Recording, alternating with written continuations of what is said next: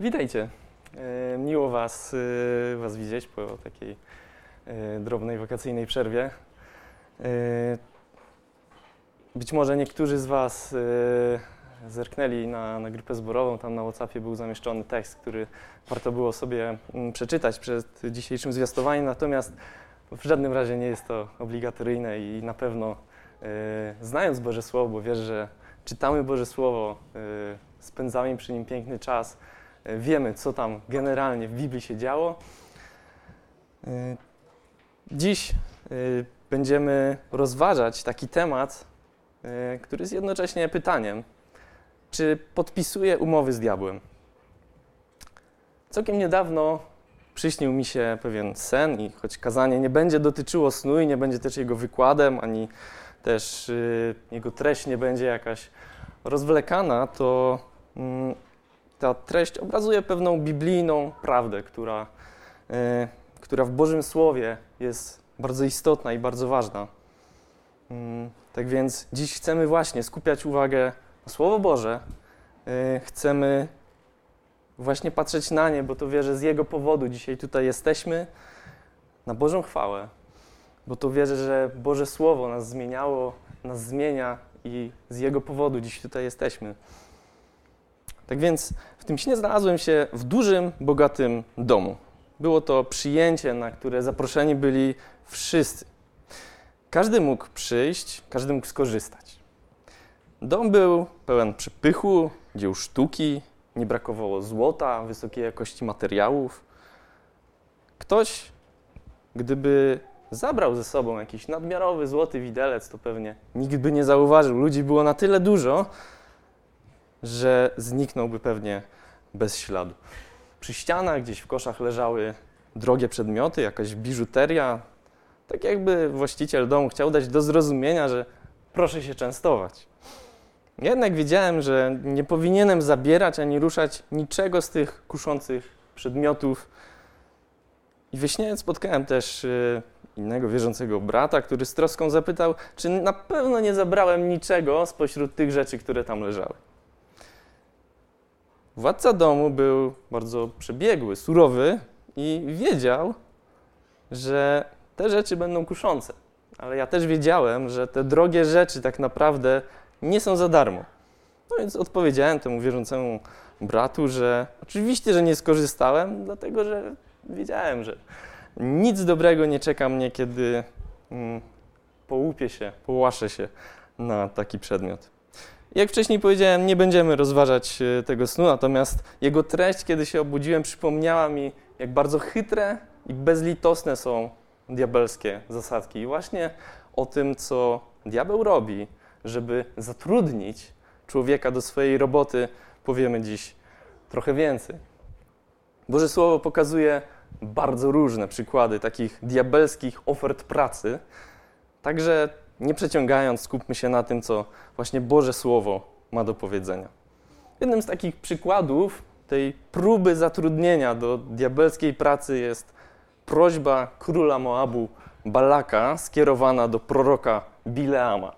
Być może znacie sytuację, jest ona opisana w Księdze Liczb w czwartej Mojżeszowej. E, W tej historii król Balak prosi proroka, żeby ten przeklinał lud Boga. Lud Boga, który wyszedł z Egiptu, był już po długoletniej tułaczce, znajduje się już dość blisko tej ziemi obiecanej i tam e, jest wielką chmarą, jak taka szarańcza i budzi postrach królów, którzy y, są y, na tym terenie do tej pory jeszcze jako władcy, natomiast widzą pewien y, taki cień nadciągającego narodu, który, jak powiedziałem, jak szarańcza, pożera kolejne ludy i jest w jakiś sposób zagrożeniem. Więc ten król, Balak, postanawia znaleźć sposób na to, żeby ten naród y, nie, nie przejął, nie splądrował, nie zjadł, nie wchłonął, tak? Yy, także jego królestwa. No więc król Balak prosi proroka Bileama, żeby ten przeklął lud Boga. Bileam w tej sytuacji, Bileam to prorok, staje przed szansą mocnego wzbogacenia się. jeśli przeklinając lud Boga, ten prorok mógł się wzbogacić, wzbogacić, to wiemy, że diabeł jako Boży przeciwnik kusi w swojej ofercie o pracę, bo takiego języka dziś yy, chce używać kwestiami materialnymi. I jak tu widzimy, ta diabelska robota dotyczyła właśnie przekleństwa Bożego ludu. Więc kiedy coś kusi cię, żeby przeklinać brata, przeklinać siostrę, przeklinać Boży Kościół, żeby robić coś przeciwko funkcjonowaniu wspólnoty, wspólnoty wierzących, to, to już jest taka lampka, żeby zastanowić się, kto podsuwa ci te propozycje. Jeśli Bóg błogosławi swoje dzieci, to jednocześnie nie będzie ci kazał na nich złorzeczyć, na nich przeklinać, ich oczerniać. W czwartej Mojżeszowej, albo jak inaczej możecie mieć to w swoich przekładach w Księdze Liczb, y, poświęcone tej historii jest naprawdę wiele uwagi. Możemy przeczytać o niej w rozdziałach od 22 do 24. I choć są to trzy rozdziały o ciekawej treści, to w zasadzie najdobitniej postawę Bileama określają dwa fragmenty z Nowego Przymierza. A pierwszy z nich jest zapisany w drugim liście Piotra w 15 i 16 wersecie. I to, co on nam objawia, to jest dużo ostrzejszy obraz tego, jak ja odbieram Bileama z tej księgi liczb.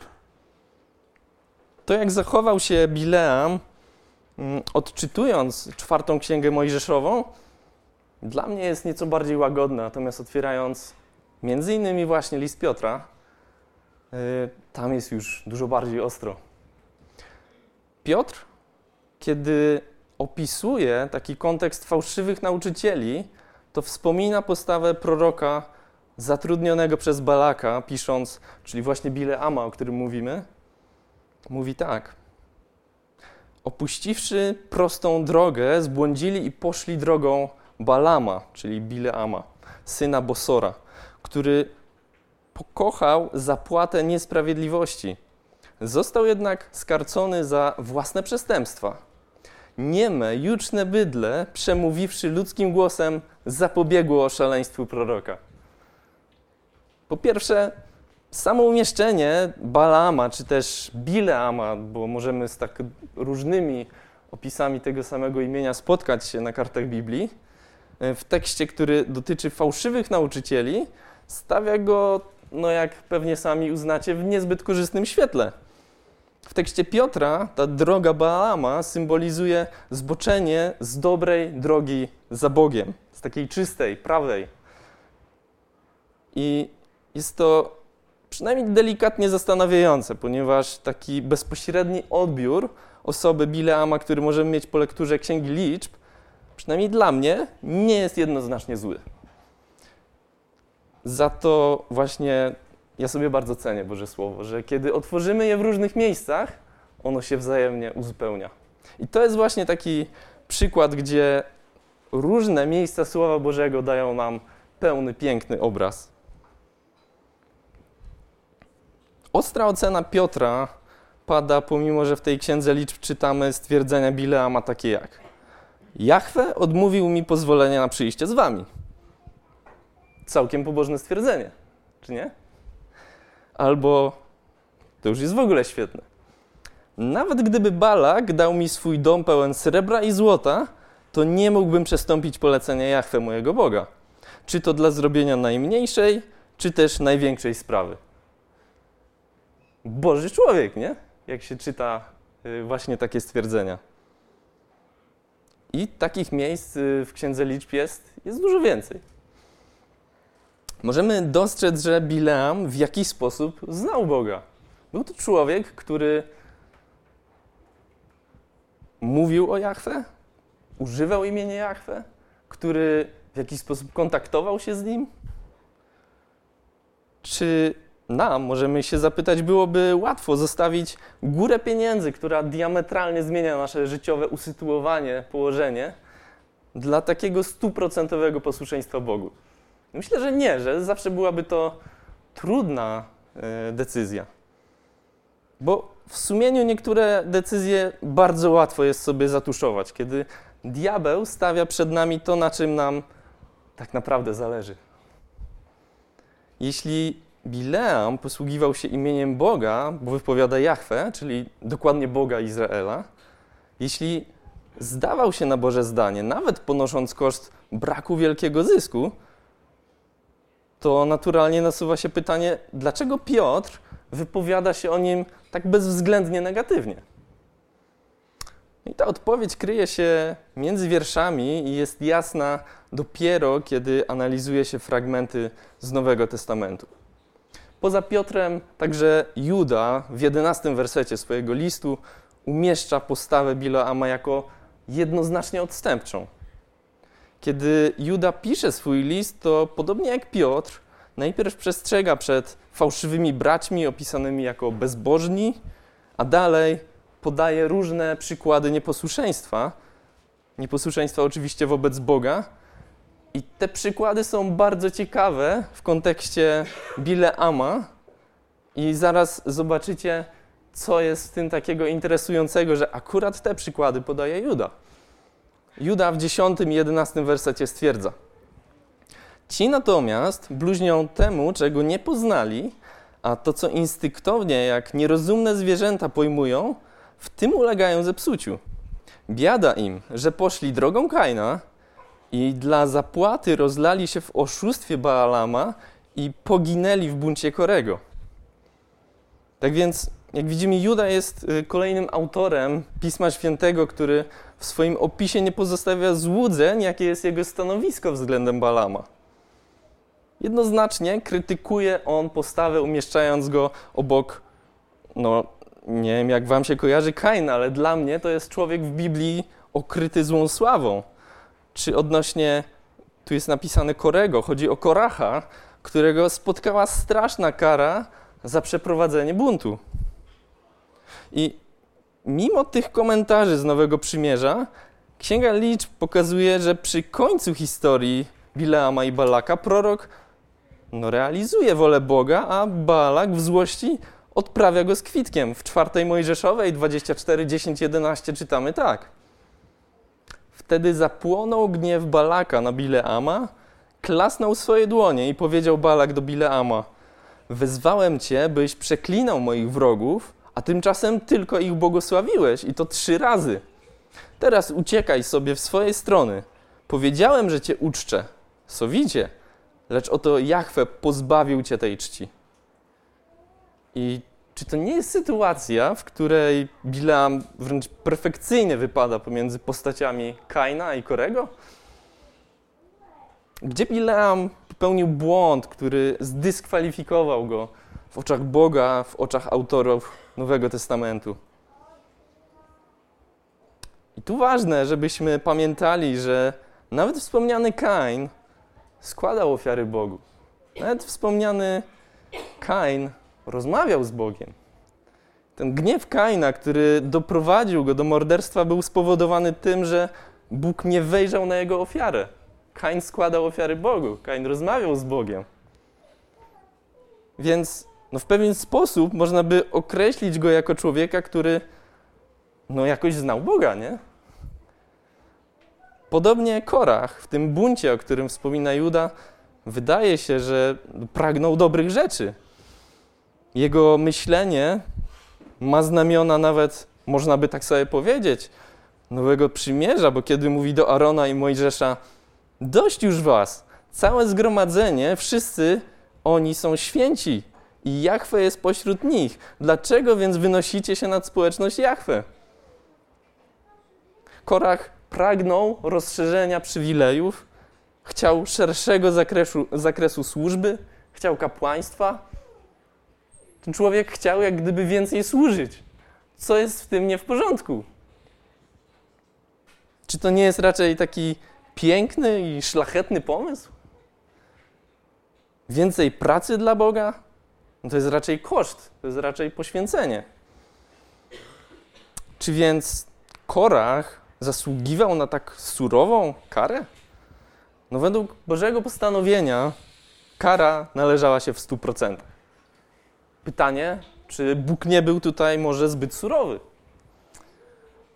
Otóż my w naszej kulturze, poczuciu tego, co według nas jest lub nie jest sprawiedliwe, Możemy zarzucać Bogu taką niesprawiedliwość czy też nieprawość.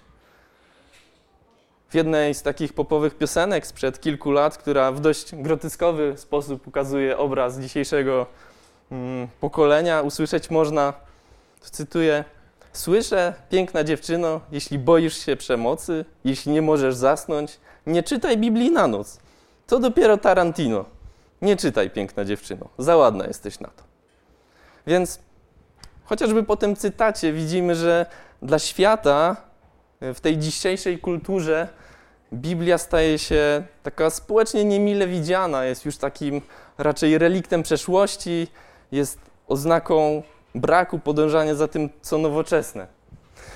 Natomiast y, my, jako ludzie księgi, jako ludzie miłujący Jezusa, jako Kościół, nie możemy, nie powinniśmy zapomnieć, że to podejmowanie się Bożych rzeczy musi odbywać się na Bożych zasadach.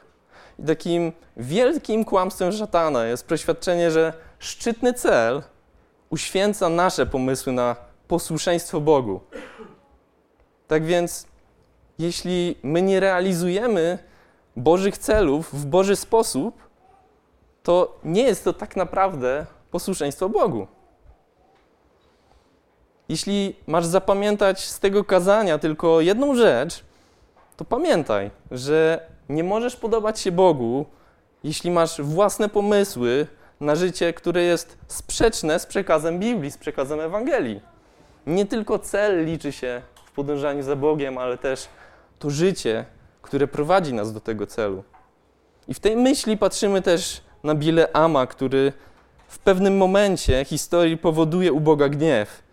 Gniew na swoją postawę. Jest to sytuacja, która znajduje się prawie po środku, w każdym razie ani na samym początku, ani na końcu opisu historii Bileama i dotyczy okoliczności w pewien sposób niezwykłych w ogóle w dziejach świata bo może wyłapaliście pewną no, niesamowitą sytuację, która tam się wydarzyła. Czytamy o niej w 22 rozdziale Księgi Liczb. Ale o tym za chwilę. Co może wydać się dziwne, w tych wersetach od 20 do 22, w tym 22 rozdziale czwartej Mojżeszowej, znajdujemy taki następujący ciąg wydarzeń. Tam czytamy – i przyszedł Bóg do Bileama nocą, powiedział do niego: Jeśli ludzie ci przyszli, aby cię wezwać, wstań i idź z nim. Uczyń jednak zgodnie z tym słowem, które ci przekażę.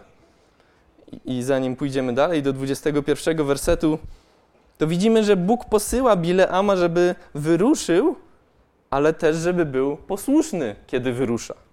Nie tylko, żeby poszedł i zrobił tam cokolwiek, czyli osiągnął jakiś tam cel, ale żeby wyruszył dokładnie, będąc posłuszny słowu, które Bóg mu przekaże. I to jest takie ważne miejsce, taka ważna refleksja, zanim przejdziemy do kolejnych wersetów, że Bóg tutaj nawołuje Bileama do posłuszeństwa, a nie tylko pozwala mu wyjść. Więc dalej, 21 werset. Jesteśmy w czwartej Mojżeszowej, 22 i teraz 21 werset. Wstał więc Bileam rano, osiodłał swoją oślicę i pojechał z książętami Moabu. Wówczas zapłonął gniew Boga, gdy szedł. I anioł Jahwe ustawił się na drodze jako jego przeciwnik. On zaś jechał na swojej oślicy, a z nim dwaj jego słudzy. No więc, czytając po kolei te trzy wersety, możemy się zdziwić, ponieważ najpierw Bileam gdybyśmy przeczytali wcześniej, pyta Boga, czy ma w ogóle wyruszać.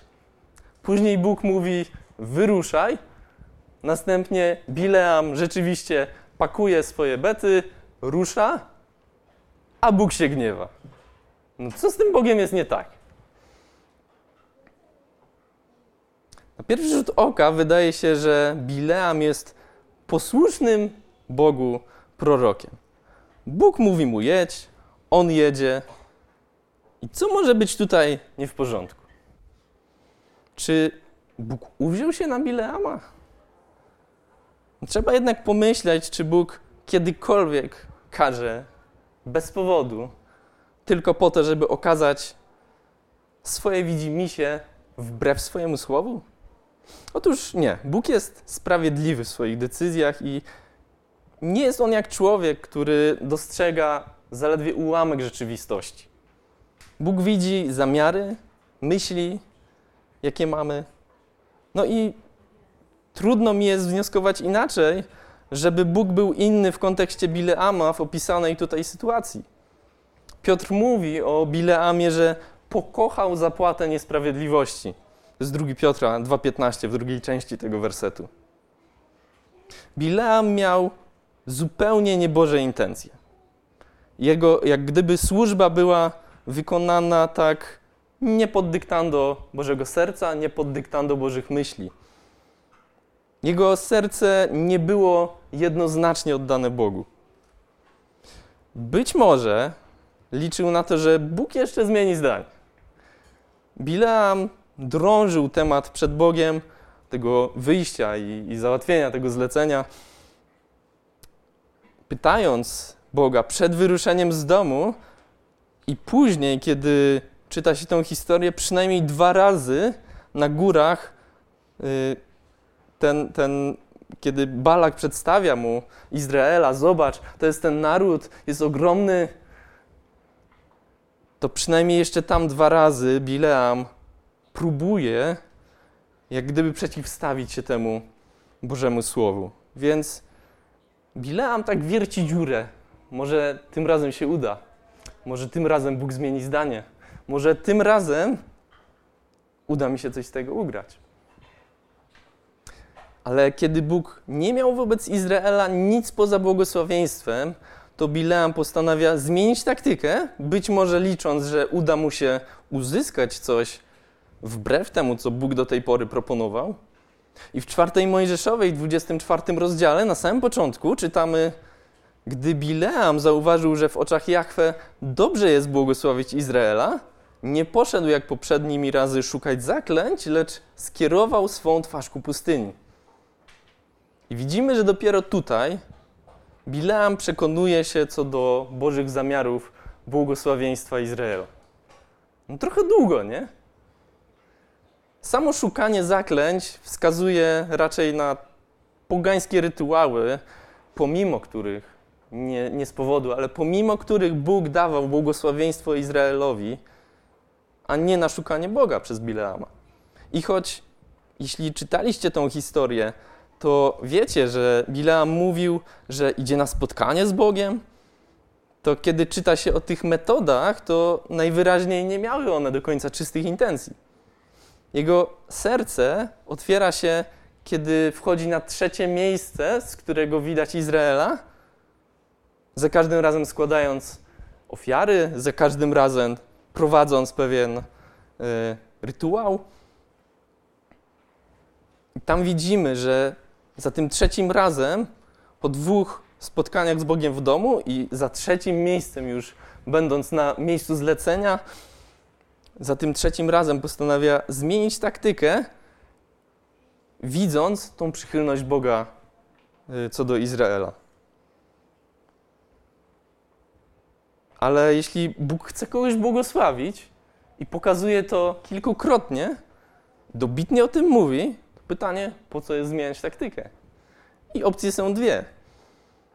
Albo liczył, że może wymknie się Bogu innym sposobem, albo zmienia sposób działania i to może z drugiej strony świadczyć, że wreszcie zaprzestał on stosowania czarów i wtedy czytamy w 24 rozdziale, w drugim wersecie, że wtedy ogarnął go duch Boga i ponownie on błogosławił Izraela.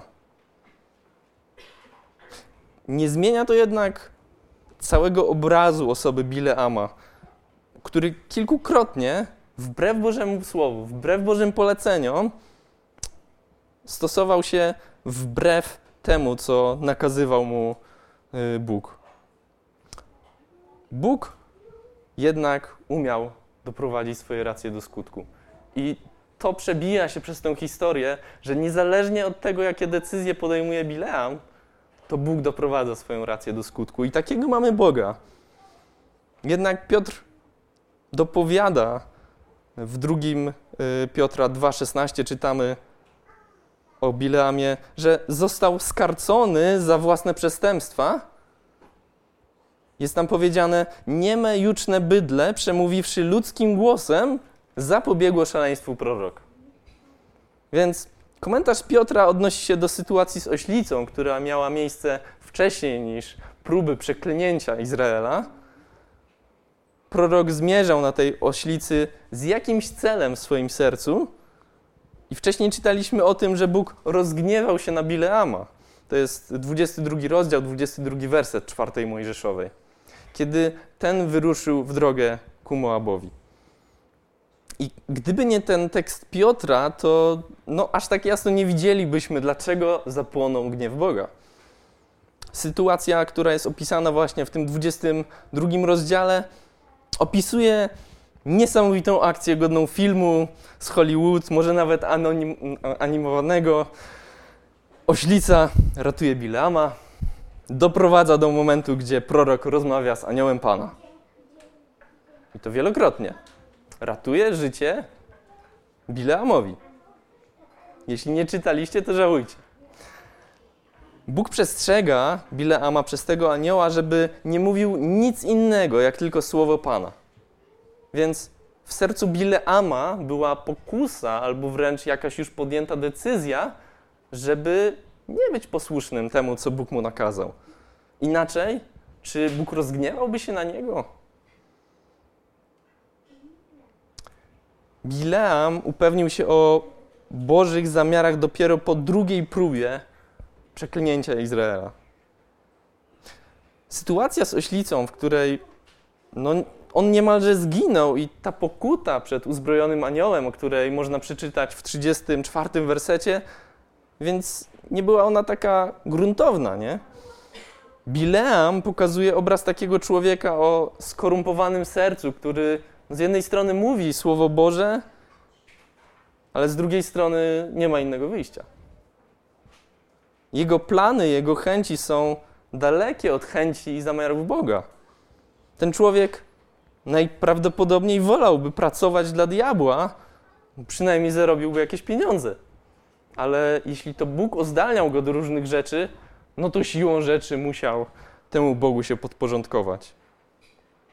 Co ciekawe, trasa z miejsca zamieszkania Bileama do podanej lokalizacji w Moabie mogła wynosić około 650 km. Całkiem sporo, nie? No i jako, że osły nie należą do kategorii Formuły 1, podobno taka prędkość maksymalna osła to jest gdzieś 24 na godzinę, możemy sobie łatwo przeliczyć, że no raczej ten osioł nie leciał na prędkości maksymalnej dzień, dniem i nocą.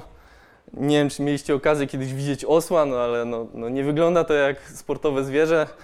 Raczej takie smutne, zmęczone, zbite życiem. No więc chyba Bileam nie miał jakiejś wersji sportowej i miał czas, żeby przemyśleć sobie to, co Bóg pokazał mu i to, co mu powiedział, przynajmniej dwukrotnie. Mimo to widzimy, że jego serce nie było tak jednoznacznie oddane za Bogiem. Było, jeśli nie podzielone, to nawet wręcz skorumpowane. A historia Bileama, kiedy patrzę na nią szerzej, uczy mnie, że diabelskie ogłoszenie o pracę będzie skierowane do serca, które może znać Boga, może rozmawiać z Bogiem, ale kiedy jest rozdwojone, to daje diabłu nadzieję, daje diabłu argumenty, żeby zatrudnić takiego człowieka do swojej diabelskiej pracy. Możemy się teraz zapytać, czy moje serce jest jednoznacznie określone za Bogiem? Czy tylko mówię, czy też potwierdzam życiowymi decyzjami, że jestem przywiązany do Boga? Czy może mam swoją cenę, za którą nie można kupić? Czy jednak oddałem Bogu każdy skrawek serca, które mam darowane od Boga? Kiedy myślę o diabelskich rozmowach o pracę, to na myśl przychodzi mi jeszcze kilka osób, o których będzie dużo krócej. Przychodzi mi na myśl król Saul, który chciał być posłuszny Bogu, ale po swojemu. Nie zabił wszystkiego, co Bóg określił jako obłożone klątwą. Jest to kolejne miejsce, które obnaża tak niestety często skutecznie działające diabelskie kłamstwo, które mówi, że Boże cele można osiągać swoimi metodami. Dla Boga liczy się jednak nie tylko ostateczny efekt, ale i wcześniejsze, czyste, zgodne z Bożymi standardami wykonanie, którym polegamy na Jego słowie, w którym polegamy na Jego pokoju, w którym sami nie pchamy się przed szereg. Diabeł będzie się starał niczym taki dobry handlowiec, żeby zgarnąć chociaż skrawek rynku tych serc, które mogłyby w stu procentach służyć Bogu. Więc czy ja zawieram takie umowy z diabłem? Inny Boży człowiek, Elizeusz, w służbie dla Boga odprawił zdrowego Naamana. Być może kojarzycie taką postać. Mm, bez zabrania chociażby grama złota. Ale diabeł dojrzał świetnego pracownika w jego słudze, Gehazim. I może Twoje serce wykonuje pełny, dobry etat, żeby służyć Bogu. Ale nie myślmy, że diabeł nie będzie chciał podpisać z Tobą choćby takiej małej, krótkiej umowy o dzieło, kiedy dostrzeże szansę, żeby zatrudnić Cię do swojej pracy. Wiemy, że Gehaziego ta umowa z diabłem kosztowała zdrowie, a w ostateczności najprawdopodobniej życie, dlatego że stał się trendowaty. Boże Słowo pokazuje, że śmiertelnie zachorowało jego ciało, ale tą chorobę najpierw poprzedziło jego chore, rozdwojone serce. Umowę z diabłem podpisał też między innymi Judasz. I ten biblijny przekaz podaje, że z diabłem łączyła go umowa taką regularną pracę. Wykradał on pieniądze z sakiewki. Pieniądze na misję, jakby nie było. Wydanie Jezusa było tylko kolejnym zleceniem. I podobnie jak inni, którzy podpisywali te umowy z diabłem, też Judasz skończył swoje życie w dramatyczny, żałosny sposób. I tu widzimy, że diabeł jest takim pracodawcą, który dba wyłącznie, zupełnie wyłącznie o swoje własne interesy i pozostawia swoich pracowników bez wsparcia, rozbitych, więc jest to taki bardzo brudny i zły biznes. Podobnie diabeł zatrudniał między innymi Ananiasza i Safirę, też ludzi w jakiś sposób związanych z Bogiem, związanych z Kościołem. Podobnie diabeł jest w stanie zatrudnić mnie i ciebie, jeśli nie będziemy trzymać się blisko Boga. Jeśli nie będziemy zwracać uwagę na to, żeby w każdym kroku trzymać się z daleka od wszelkiego rodzaju zła. Może z początku mogą to być takie małe fuchy, a nie arcyzlecenie Judasza, ale z każdym takim zleceniem jest nam dalej od tej czystej, świętej pracy u Boga, a bliżej jest nam do tej życiowej ruiny grzechu, którą mogliśmy zobaczyć chociażby u Judasza, który odebrał sobie życie. Boże Słowo zachęca nas, żeby być tak jak Job, który nie rzucił tej lojalnej pracy u Boga, nawet kiedy jego żona przeszła do konkurencji. Była tam taka sytuacja. We własnej rodzinie znalazł się pracownik wroga. Trudno, nie? Osoba, której ufasz. Kiedy Jezus w Ewangelii Łukasza w czwartym rozdziale jest kuszony, to diabeł przedstawia mu swoją ofertę pracy. Kiedy chcesz się zatrudnić, to w ofercie często znajdziesz rubrykę z benefitami, jakie uzyskasz, kiedy podejmiesz pracę od tego pracodawcy. I takie diabelskie ogłoszenie o pracy obiecywało całkiem mocne benefity, kiedy rozmawiał z Jezusem. Była ta rozmowa o pracę na najwyższym możliwym stanowisku. Najpierw diabeł sugerował mu taki benefit jak zaspokojenie potrzeb fizycznych, bo Jezus był głodny. Dalej obiecywał władzę i chwałę, i to przed wykonaniem zadania Ojca. Kiedy był w ciele człowieka, Jezus zostawił swoją chwałę i wiedział, czego mu brakuje. I ostatecznie diabeł oferował mu, żeby Jezus wykorzystał relację z Bogiem Ojcem, możliwe, żeby wszyscy zobaczyli, kim jest Jezus. Ale w postawie Jezusa, w odpowiedzi na te wszystkie mm, dodatki do pracy, widzimy, że Boża wierność jest pewna. I nie ma potrzeby dla takich laboratoryjnych testów podważać tej Bożej wierności. Sprawdzać, czy ona rzeczywiście tak działa. Boże Słowo sugeruje, żeby nie wystawiać jej na próbę dla próby.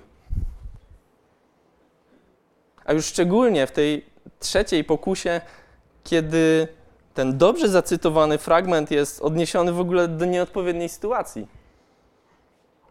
Widzimy, że diabelskie ogłoszenie o pracę będzie skupiało się na naszych korzyściach, zamiast na tym duchowym, pięknym życiu z Bogiem.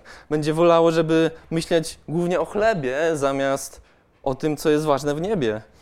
Będzie starało się dać nam to, czego bardzo byśmy pragnęli, co jeszcze nie zostało oddane Bogu, co powoduje, że Twoje serce w jakiś sposób jest pęknięte, rozdwojone. I dobrze, że mamy Boga, który czasem używa dziwnych sposobów, żeby przemówić nam do rozsądku. I obyliśmy byli bardziej rozgarnięci niż Bileam, który nie podejmował dobrych decyzji, a jednak Bóg, pomimo jego skorumpowanego serca, pomimo jego otwartego pola do takiej duchowej korupcji, stawiał na swoim. Zachęc zachęcam Was, żebyśmy trwali przy Bogu i nie dali się zatrudniać diabłu. Bileam zwalał winę na osła, którego miał od wielu, wielu lat, a sama jego postawa przypominała y, w zasadzie jeszcze gorszą niż moglibyśmy sobie wyobrazić, patrząc na tego biednego osła. Nie myślmy, że nam uda się przeskoczyć te Boże zasady, a ostatecznie osiągnąć Boży cel. To tak nie działa. Kiedy biegniemy przez życie, niestety czasem zbyt szybko, zbyt bezrefleksyjnie, to warto się zatrzymać, bo życie wszystkich, drodzy wszystkich opisanych dziś negatywnie osób, było w jakimś sensie związane z Bogiem. Ci ludzie rozmawiali z Bogiem. Ci ludzie służyli Bogu. Ci ludzie wykonywali jakieś dobre rzeczy na rzecz Boga. Ci ludzie składali ofiary Bogu. Ci ludzie poświęcali jakieś fizyczne środki dla Boga. Więc w jakiś sposób ci ludzie byli związani z Bogiem i ci ludzie w jakiś sposób znali Boga. I to, co jest właśnie najtrudniejsze dla mnie, kiedy przeglądam e, te różne fragmenty, to byli właśnie ludzie, którzy nie byli z totalnego marginesu i, i nie byli tacy totalnie zdeprawowani do cna, nie były, nie były to takie hachary, nie? To byli ludzie, którzy chcieli czasem służyć Bogu więcej, to byli ludzie, którzy liczyli się z Bożym zdaniem, a jednak zostali w Bożym Słowie przedstawieni zupełnie negatywnie, jako przykład takiego fałszu. Jak wiele złego może dziać się w takich białych rękawiczkach, to pewnie sami dobrze wiecie, obserwując różne sytuacje. Paweł, kiedy pisze do Tymoteusza, wymienia ludzi, którzy będą mieli pewne cechy w czasach ostatecznych. W drugim Tymoteusza 3, 4, 5 czytamy, że są to ludzie zdradzieccy, pochopni, nadęci, kochający przyjemności bardziej niż kochający Boga i wreszcie mający pozór pobożności, lecz zapierający się jej mocy. I on tam pisze i tych unikaj. Tak, tak radzi apostoł. Jest tak bardzo cienka granica pomiędzy tym, co my bez Bożej mądrości widzimy jako złe albo dobre. I tak łatwo jest rozmyć, rozmyć definicja życia z Bogiem, żeby naciągnąć je na byle jakie życie. Niech Twój i mój życiowy etat będzie poświęcony wyłącznie pracy dla Boga.